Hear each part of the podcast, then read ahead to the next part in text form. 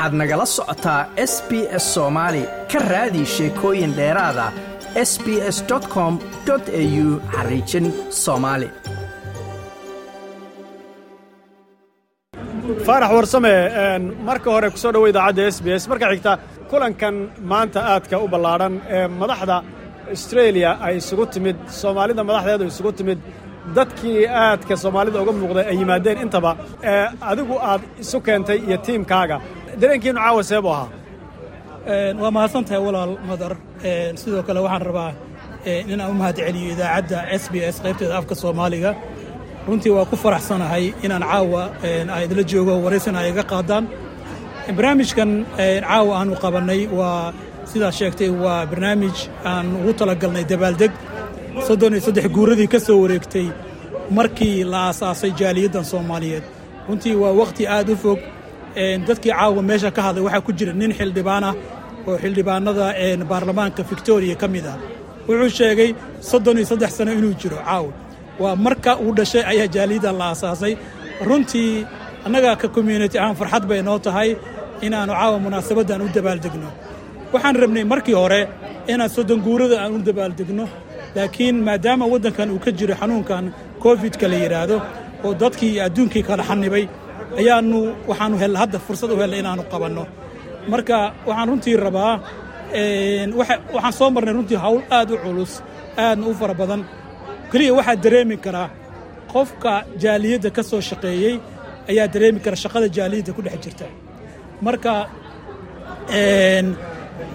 annagoo runtii shaqadaa dheer soo qabannay dad badan oo jaaliyadda ka midna ay runtii ka faa'iidaysan jaaliyaddan intay jirtay ayaannu haddana halkaan isugu keenna caawa inay nagala qayb qaataan munaasabaddan waxaannu ku casunnay munaasabadda dadyow kala duwan. Sidaa sheegtay xubno aad u fara badan oo ka socda baarlamaanka ayaa joogay. Waxaa joognay xubno sarsare oo booliska victoriya ka socda. Waxaa joogay dadkii xitaa aasaasay jaaliyaddan oo ay ka mid yihiin runtii aan jeclahay weliba inaan xuso una mahadceliya halkan ayaa joogay.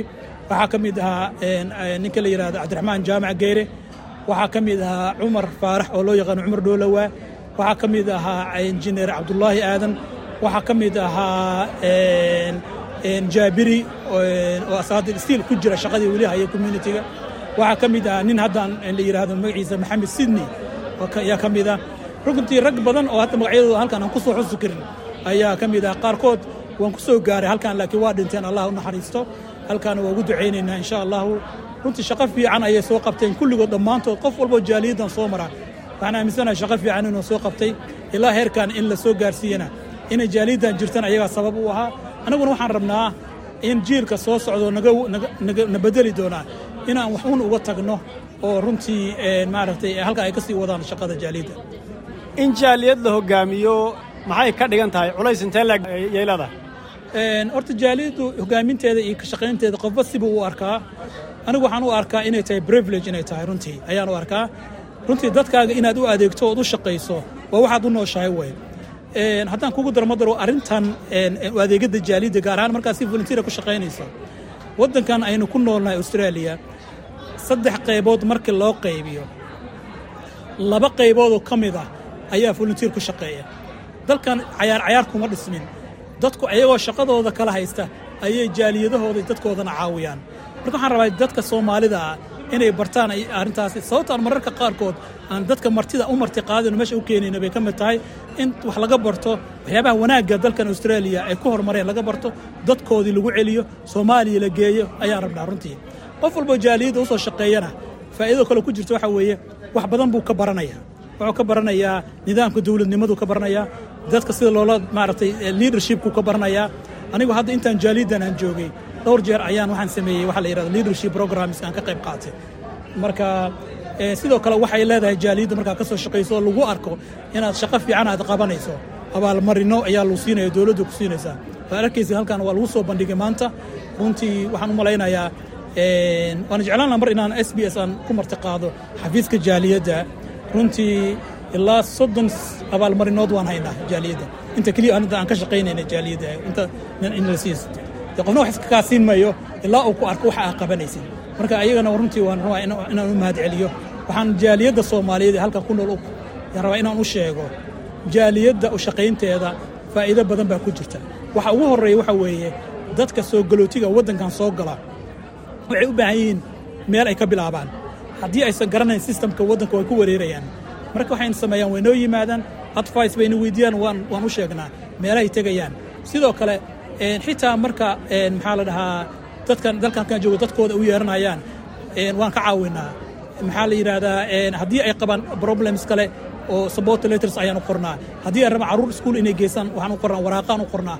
Marka waxyaabo badan oo faa'iide ah oo dadka qofka loo qabtay iyo qofka u shaqaynaya uun garan karo ayaa ku jiro runtii aad muhiim u ah.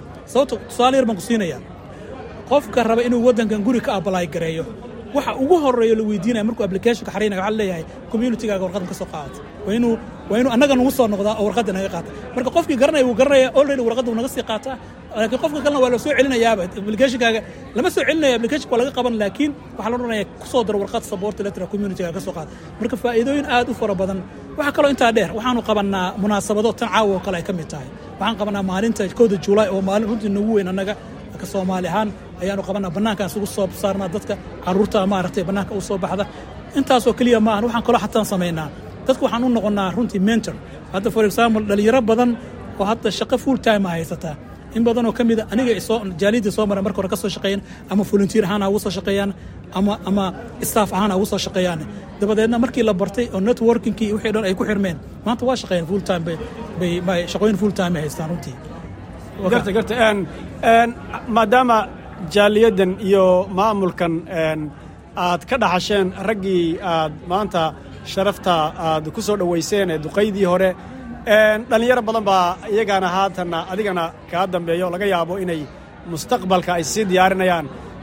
Maxaad isu diyaariseen? Maxaad dhallinyarahaasne maxaad soo dhowaynahoo aad aad samayseenoo aad dadaalkaad xaggeed ka waddaan runtii anoon isfaaninayn runtii dhalinyaro dhalinyaro badan ayaan aan isku dayay. Aniguna jaaliyadda ku soo daro ka shaqeeyaan. Qaar ka mida xataa mar waxaa jirtay aan hayay kalaab sport aan hayay. Intaan jaaliyadda imaan aniga jaaliyadda keliya kama shaqeyn sportska xataa waan ka soo shaqeeyey marka afar sanaa waxaan hayay kalaab sports oo runtii ilaa laba boqol iyo konton carruur soomaaliyeed ay ku jireen wakhtigaas isagaa dad dhallinyaro ah soomaaliya oo dad dhallinyaro ah soomaaliyeed ayaan u tababarnay sida ay barnaamijkan oo kale ay u qaban karaan. Markii ay barteenna kalaabkii waan ku wareejiyey iyagaan ku wareejiyey dhallinyarada soomaalida ah iyagana cillad baa haysata. Dhinaca kalena cillad bay macnaha dhibaata xagga kalena kaga timaada oo dadka waaweyna cilladda ayaga haysata cillad ma ahan iyagu inaysan waxba garanayn ma ahan. Runtii dad active ah luqaddii koowaad ku hadlaya weeye laakiin cilladda haysta waxaa waaye mararka qaarkood luqadda soomaaliga ku adag inay dadka kula hadlaan dadka waayeelka. Jaaliyadduna in badan xoog wax badanoo ka midana dadka waayeelka waxbay u qabataa. Cilladda marka xagga dhinaca kale ka imaanaysa ka waalid ahaan annagoo kale ka imaanaya waxaa weeye dhallinyaradii lama shaqaynayno. Qofku markuu frontiga soo istaago oo yidhahdo waxbaan qabanaya. Wuxuu u baahan yahay in la caawiyo wuxuu u baahan yahay in la garab istaago in lala shaqeeyo u baahan yahay for example kalaabkii annagu aan hayno carruurta dhallinyaradaasi aan markaan ku wareejin wax la shaqeeyay waaye waalidiintii o dhan baa ka baaqatay runtii which is unfortunate. Laakiin marka waxaa loo baahan yahay dadka communitygu dhallinyaradooda si dhiirigelin bay u baahan yihiin dhallinyaro badanoo wax qaban kartaan haysanaa runtii. Dhallinyaradaas marka si ay wax u qabtaan waa inaan annagu la shaqayno keliga waxma qaban karaan way ku adkaanaysaa. Ugu dambaynta maxaad oga tegi lahayd dardaanan ama baaqa dadka jaaliyadda si guud dhallinyarada maxaad maxaad dhihi lahayd munaasabaddan adoo ka faa'iidaysanaya? Wallaahi waxaan odhan lahaa jaaliyadda soomaaliyeed in la isku xirnaado mar walba la yska warqabo la ogaado wax walbaa tomorrow dhici kara. Marka in la is ogaado weliba dadka communitiga ama jaaliyadda wax qabanaya ee wanaagsan oo shaqada fiican u hayaa in la ixtiraamo. Birito qof kalaa imaanaya qofkii meesha ma sii joogayo. Jaaliyaddana waxaan ka codsan lahaa in ay runtii ay u soo istaagaan waxqabadka jaaliyaddooda iyo sidoo kale dadka waddankan aynu ku noolnahay cayaar cayaar umaan iman waddankan. Waxaan imid inaan wax contribution ah inaanu ka geysano iyadana waxaa la rabaa inay dhinacaasi sektaradaasi weliba dowladda dhinaceeda inay galaan sektarada booliska oo kale inay ka qayb galaan. Yacni dhallinyaradana saasaan ku dhiirigelin lahaa. Waana jeclaan lahayn runtii mustaqbalka. Dad dhallinyaro ah oo hawshaa naga bedelaa inay noo yimaadaan. Aad baad mahadsan tahay faarax xuseen adaa mudan walaal. Aad baad mahadsantahay kulligeen ma doonaysaa sheekooyinkan oo kale ka dhegayso apple podcast google podcast spotify ama meel kasta oo aad bodkastigaaga ka hesho